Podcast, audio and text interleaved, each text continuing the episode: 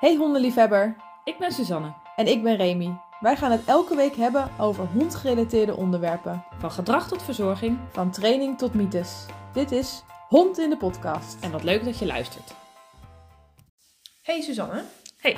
Heb jij wel eens een hond die als hij een andere hond ziet, dan een beetje moeilijk meeloopt? Absoluut. Ja? En wat Ja. gebeurt er dan? Eh, mijn hond die, eh, die gaat enorm staren. Mhm. Eh, en als ik er dan meeneem, dan, eh, dan draait ze zich om. Dan wil ze eigenlijk niet met mij meelopen, maar dan wil ze richting die andere Dan hond. blijft ze naar die andere hond kijken. We blijven naar de andere hond kijken en haar hele lijf beweegt die richting op. Dus dan eh, moet ik er echt mee lokken. Of met iets voor de neus houden, of ik moet er mee sleuren. Oké. Is ze ook wel eens gaan liggen? Nee, nee.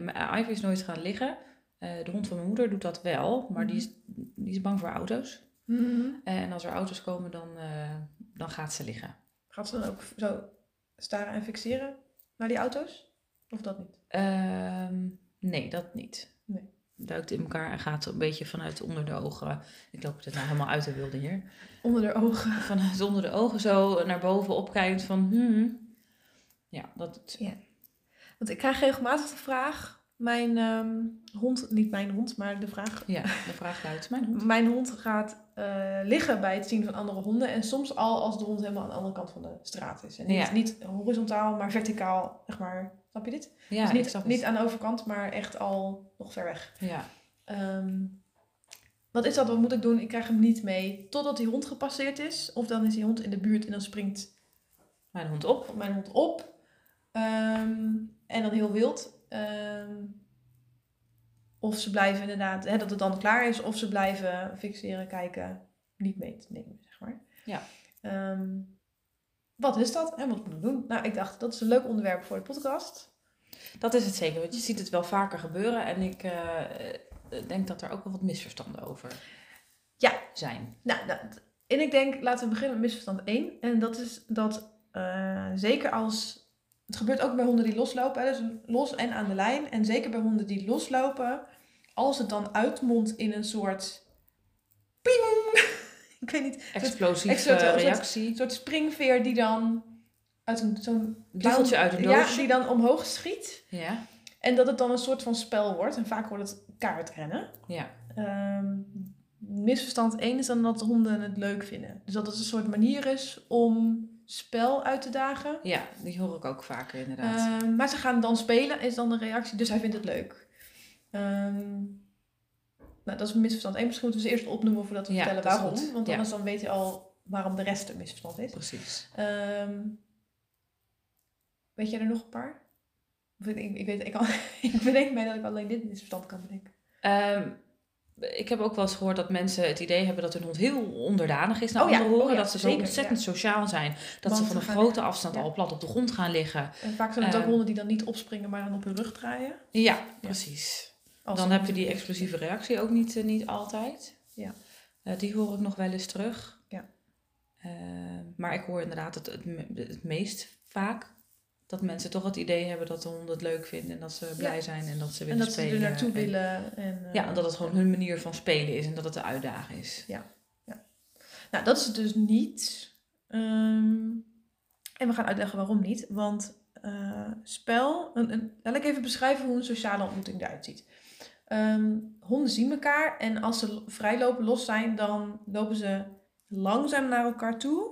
Waarbij de een, meestal allebei, maar een beetje zo wegkijken, een beetje om elkaar heen gaan cirkelen. Dus het is een soort Je loopt nooit frontaal op elkaar Nee, af, maar het wordt altijd ja. een soort van rondje. En het begint al, wij doen dat wel. Ja. Want wij lopen van A naar B. En een hond moet meelopen. Dus ze lopen of sneller. Dus de ontmoeting gaat sneller dan ze willen. Geen vertraging inzetten, Precies, geen vertragingen, geen lichaamstaal eh, laten zien. bochtjes, geen conflict. In ieder geval allemaal geen conflictvermijdend gedrag. Wat, wat, ehm, Honden eigenlijk wel zouden willen. dus ook als ze loslopen, eh, zou dat, en, en dat, dat is de, hoe de ontmoeting eruit zou moeten zien, zou je dat kunnen zien. Ehm, als ze dan eindelijk bij elkaar zijn, dan eh, krijg je een beetje gesnuffel aan de voorkant, een beetje gesnuffel aan de achterkant. En dan krijg je of leuk spel, maar meestal is het gewoon, oké bedankt, doei. Ja, met tussendoor ook nog wat oog voor elkaar. Met af Ja. en toe wat, wat ophoudingen in het... Zeg maar dat ze even stil gaan staan, even checken hoe de ander het vindt. Even een soort van Ja. time-out. eh, om daarna weer verder te gaan als het oké is. Ja. En ehm, als een hond reactief gedrag laat zien, en ik weet zeker dat mensen die denken dat hun hond leuk vindt, dus dat hij wil spelen, niet hadden verwacht dat ik een hond reactief zou noemen. Mhm. Maar dat is hij wel, want hij heeft eh, moeite met die ja, chain, met die ketting van stappen volgen. En het begint al met de moeite met het zien van een andere hond. Ja.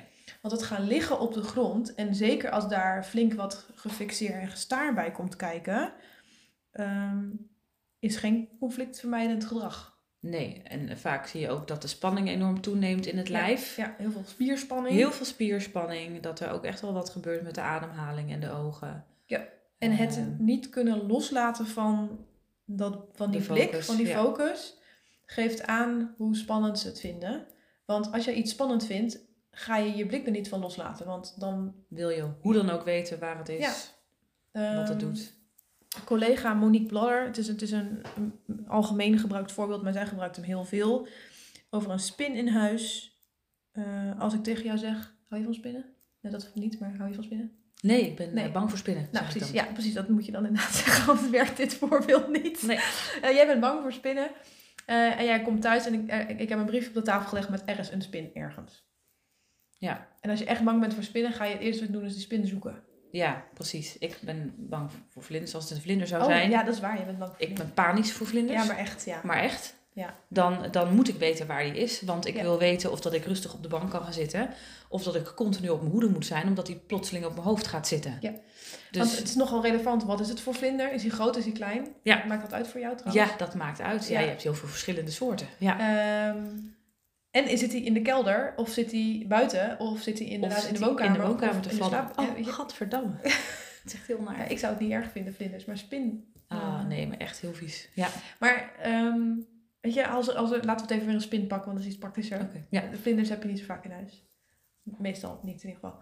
Ehm, een spin in de kelder en zo'n klein of zo'n hooiwagentje of wat ook. Ja, weet je, lekker laten zitten, Daar vind ik dan. van, waarschijnlijk. Maar een dikke tarantula naast je bed, weet niet, dan moeten we toch even mensen gaan bellen, want dat is toch wel een ding. Ja, precies. Ehm, dus het gebrek aan informatie op dat briefje met er is een, een spin of voor jou dan een vlinder in huis, maakt dat je ernaar gaat zoeken en dat je het in de gaten gaat houden. Ehm, ik weet wel hè, dat, dat als ik in mijn slaapkamer een spin heb zitten en hij zit daar in een hoekje, denk ik, oh ja, weet je, jij zit daar, dat is prima. Maar als hij daar ineens niet meer zit, Waar is hij dan? waar is hij dan? En eh, dan ga je zoeken. Precies. Eh, en voor honden is dat niet heel veel anders. Het is ehm, gewoon heel slim om je, het dreigement dat je bedreigend vindt in de gaten te houden. Wat gaat hij doen? Wat is het voor dreigement? Wie, hoe komt hij hij dichterbij? Nou, ja, Ja. precies. En dat is ook vanuit het stukje eh, ja, waar honden vandaan komen. Hè. Dus wij hebben natuurlijk heel erg gedomesticeerd, geselecteerd op, op karaktereigenschappen en dergelijke. Maar als een hond zou gaan jagen, is het ook niet slim om die even uit je ogen te verliezen. Want als je denkt, oké, ik zie een konijn, ik zie een konijn. En dat je dan wegkijkt om, nou ja, weet ik veel, met je met Dat medejagers. je een geluidje hoort. Of Iets- ergens iets anders. weg, ja, ja, En je kijkt terug, een konijn is weg. Ja, dan was je lunch. precies. Ehm, dus je moet dan heel goed die focus kunnen vasthouden. Nou, dat werkt dus met honden die andere honden, en dat geldt ook voor auto's en, en mensen en fietsers, hè, Ja, dingen spannend, spannend vinden. daar heel erg naar blijven kijken, krijgen ze ook dat hun lijf al die spierspanning heeft. En dus dat liggen is een soort sluiphouding eigenlijk. Hè? Ja.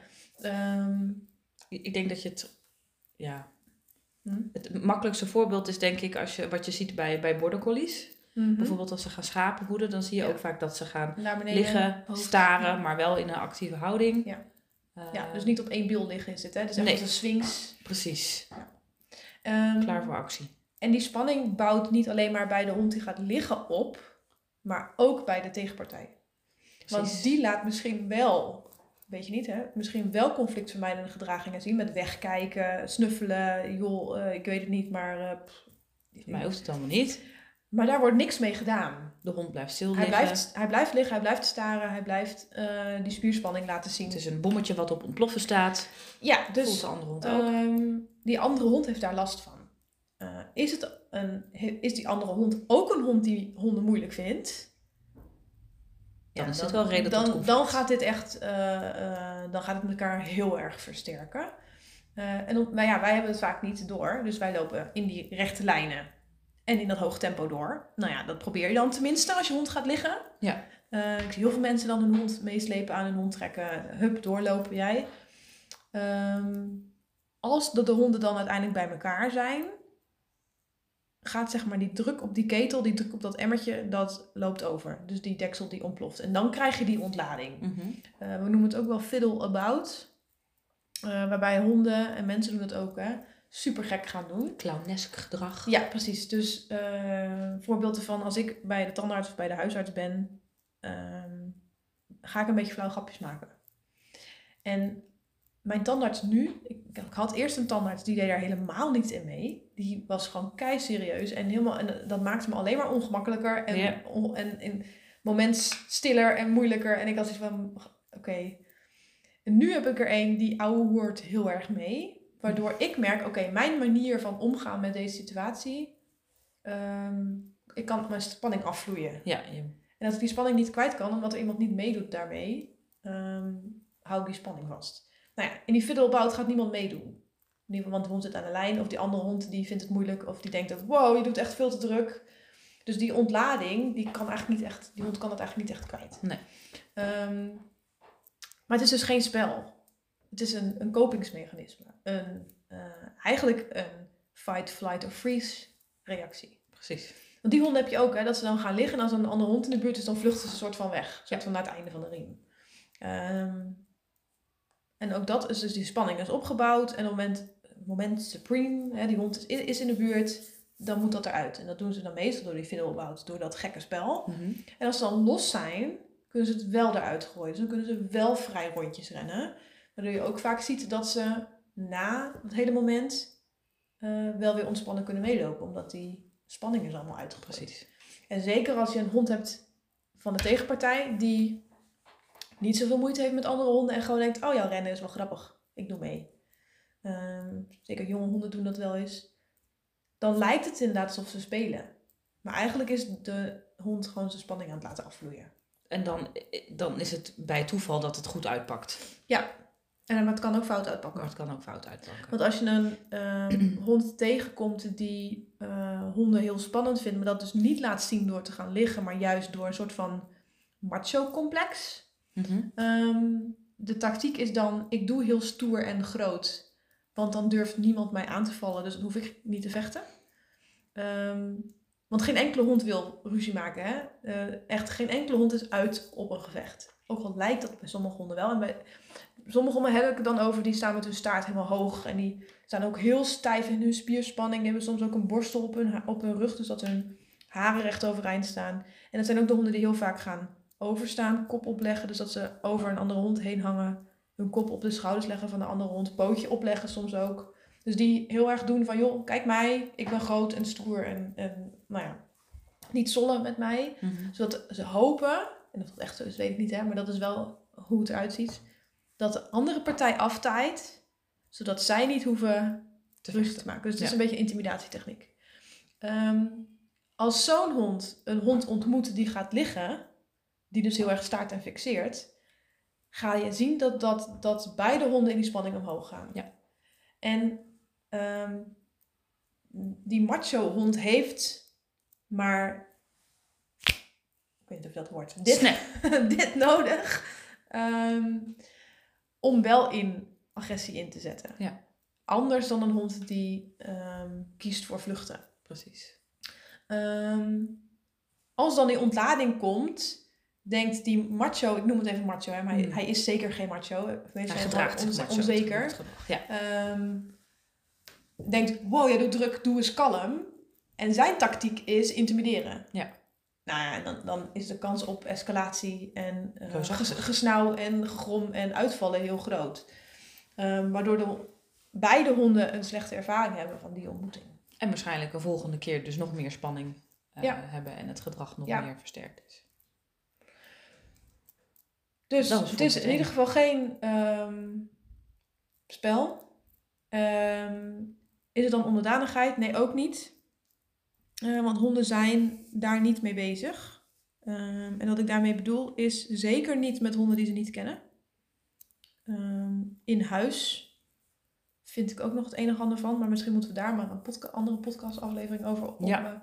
Maar eh, laten we het even hebben met vreemde honden onderling. Honden zijn niet bezig met een hiërarchie of ik ben de baas over jou of niet. Ehm, dat ze bewust gaan liggen om hun ondergeschiktheid eh, te, Te laten tonen. te tonen. Eh, het is echt die spanning, het is echt die opbouw van ik weet niet wat ik hiermee moet. Ik heb spanning, ik vind het heel moeilijk, ik blokkeer, zeg maar. Precies. Dat is het eigenlijk, ze zijn zo geblokkeerd. Ehm, ik heb mij laten vertellen door iemand die eh, heel veel onderzoek doet naar hondengedrag. Die persoon zit in het buitenland. Ehm, dat ook het op de rug gaan liggen in wel leuk spel ook geen onderdanigheid is, maar een eh, combat strategy. Oftewel, ik ga liggen, dan stop jij even met aanvallen. Waardoor ik meer tijd heb om terug te slaan. Precies. Oh, oké. Eh, want wat, wat we dan wel eens wilden zeggen van, nou, het is of onderdanigheid, maar in spel is eigenlijk alles niet serieus. Want dat is Mhm. waar die spelboog voor is. Hè? Dat is een Ja. soort contractje, een soort afspraak met alles hierna is nep. Ja. Ehm, want spel is toch een soort nepvechten eigenlijk. Ja. Eh, dus daarom is die spelboog belangrijk waarop ze aangeven, joh, ik, ook al doe ik je per ongeluk zeer, ik meen het niet. Weet je, Ja. dat is een beetje wat die spelboog is. Ehm, als ze dan op hun rug gaan liggen, dan werd wel eens gezegd, oké, dat is dan onderdanigheid. Nou, daar werden we op een gegeven moment wel, dat is het dus niet. Want die rolwisseling is heel belangrijk. De een gaat op zijn rug, de ander gaat op zijn rug. Dus dat zou een hele rare hiërarchie worden, zeg maar. Ja, dan heb je Ehm, het dan dus over spel. Ja. Ehm, overigens, als er geen rolwisseling is, is het nog steeds geen hiërarchie. Hè? Maar vaak een hond die het dan spannend en lastig vindt. En dan uit een soort conflictvermijdend gedrag op zijn rug. Precies, een ander meer aan het pesten. Ehm, dan werd gezegd, het is een soort appeasement behavior. Oftewel, eh, een stukje self-handicapping, een stukje... ehm, eh, inderdaad, ik heb geen kwaad in de zin. Een stukje, eh, ik geef me over. Ehm, maar dat schijnt het dus ook niet te zijn, omdat honden het ook doen als ze het spel wel heel leuk vinden, om dan van daaruit in de poten te kunnen bijten of Ja. een soort voorsprong te creëren. Ja, precies. En het zal vast wel per hond verschillen hoe ze dat inzetten, maar in ieder geval dat op de grond gaan liggen. Kijk, en er is nog een verschil op, of ze op de rug gaan liggen of Op de buik in de sphinxhouding. ja, ehm, en hoe ze op hun rug gaan liggen. Want je hebt honden die op hun rug gaan liggen en dan echt de poten wijd en de staart gewoon helemaal lang uit met kriebel me of eh, gezellig hier. Weet je, er zit echt ontspanning in het lijf. Ja, Of je hebt een hond die op zijn rug gaat liggen met zijn pootjes eh, ingetrokken en zijn staart een beetje naar zijn buik toe en dat hij echt wegkijkt. Dat hij echt zijn kop een kant op draait. Ik ben niet belangrijk, maak me niet dood. Ja, Ik ben Eh, er niet. nou precies. En dat is dus ook geen onderdanigheid, maar meer een conflictvermijdend eh, iets. Ehm, betekent dat dat je, als we dan toch even in die woorden onderdanig dominant spreken, dat je dan een dominante hond hebt? Nee, want die bestaat ook niet. bestaat niet. Eh, je hebt gewoon een hond die eh, in situaties een copingmechanisme, dus een, een ervoor kiest om ermee om te gaan door conflictvermijdend gedrag in te laten. Dus een soort bevriezing slash vluchten eigenlijk. Ja. Hè? Ehm, en al, honden hebben eigenlijk alle copingstrategieën. Ehm, maar je merkt wel dat sommige honden voorkeur hebben voor een bepaalde.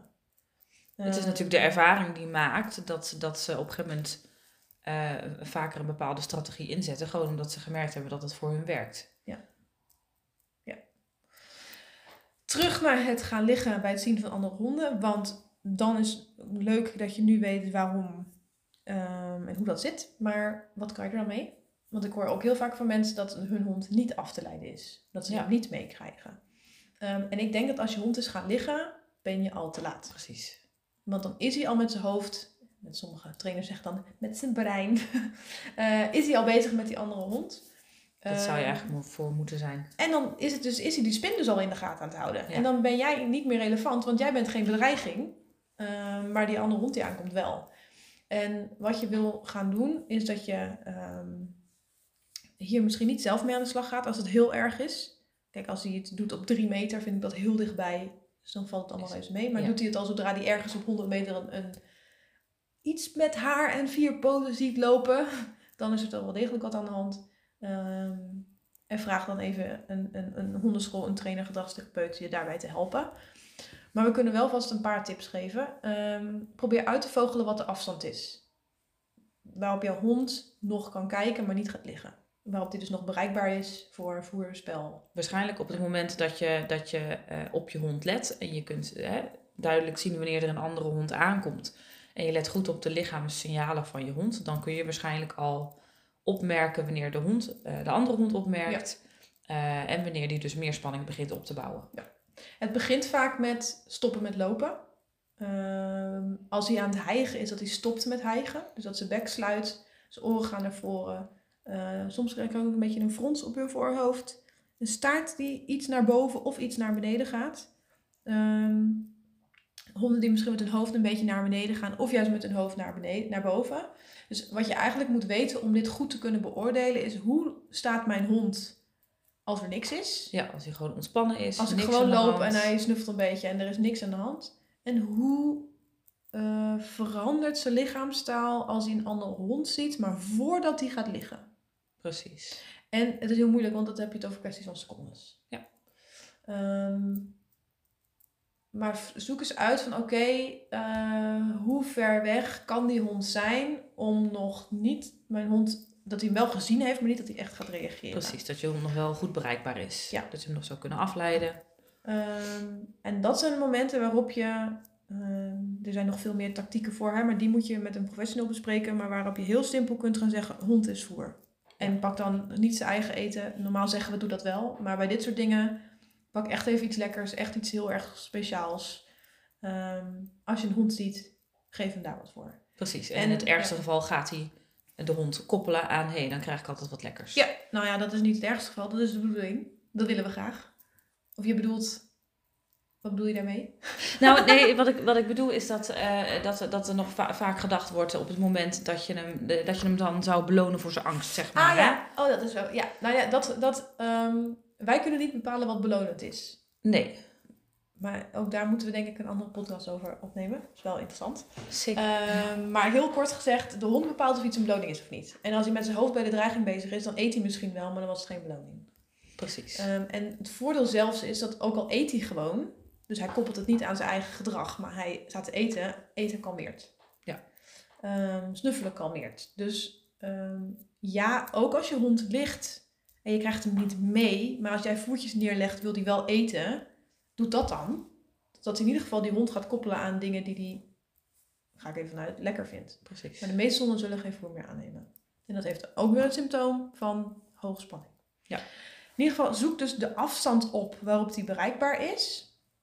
En wat voor, soms kan helpen is als je zeker weet, hij heeft die hond gezien, dat je zelf zegt, oh dat is een hond, of dat is een hond. En je, gaat hem voeren. Gewoon, hij heeft er niks voor te doen, alleen maar eten. Ja. En juist door er niks voor te laten doen, ehm, is die succesfactor zo groot. Want als je hem eerst een zit gaat vragen, of eerst dat hij op jou moet letten, of eerst, dat vergt cognitief heel veel voor hem. Maar ik wil juist dat hij, dat, dat hij het gewoon puur koppelt aan die andere hond. Precies.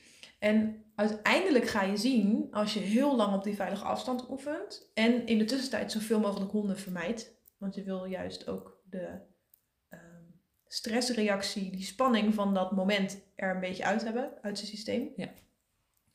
Ehm, ga je zien dat jouw hond eh, op grote afstand een hond ziet en naar jou gaat kijken met hallo, ik krijg normaal toch koek nu, Precies. waarom krijg ik nu niks? Ehm, en dan is het kwartje gevallen en kun je langzaam een beetje dichterbij. Ja. Maar je gaat nog steeds voor, door met voeren, voeren, voeren. Ehm, ja, werkt dat vlekkeloos? Nee. Heb je er hulp bij nodig? Ja. Want het zit heel strak op je timing. Het kan helpen door je hond te filmen. Ehm, om te gaan zien wat voor lichaamstaal laat hij zien voordat hij gaat liggen. Ehm, en blijf dan ook filmen, zodat je het moment van ontlading kan zien. Eh, mocht je dan naar een trainer of professional gaan, dan kun je ook laten zien, joh, dit doet mijn hond. Ja. Zodat je niet in zijn hoeft te zetten. Want liefst zo min mogelijk jouw hond in die situatie brengen. Precies. Want ja, jij vindt het ook niet leuk als ik elke dag zeg, er is een vlinder in je huis. Nee, Succes, red je maar mee, zus. daar wordt het niet beter van, kan ik je vertellen. Nee, dan word je, maar als ik zeg, hier heb je 100 euro. Elke keer als er een vlinder is in je huis. Ik weet niet, het is 100 euro een bedrag, dus wil je iets meer. Nee, dat moet echt meer zijn. Oké, een miljoen. Nou, dat is wel veel. Zou je dan de, de, de vlindertuin ingaan? De, ja, dan zou ik de vlindertuin wel ingaan. Ja. Ik weet niet hoe lang ik erin blijf. Nee, maar dat heb Ik zou wel? Je nee, gewoon precies, in. ik, ik zou wel een stapje naar binnen zetten. Toch een miljoen. Zie?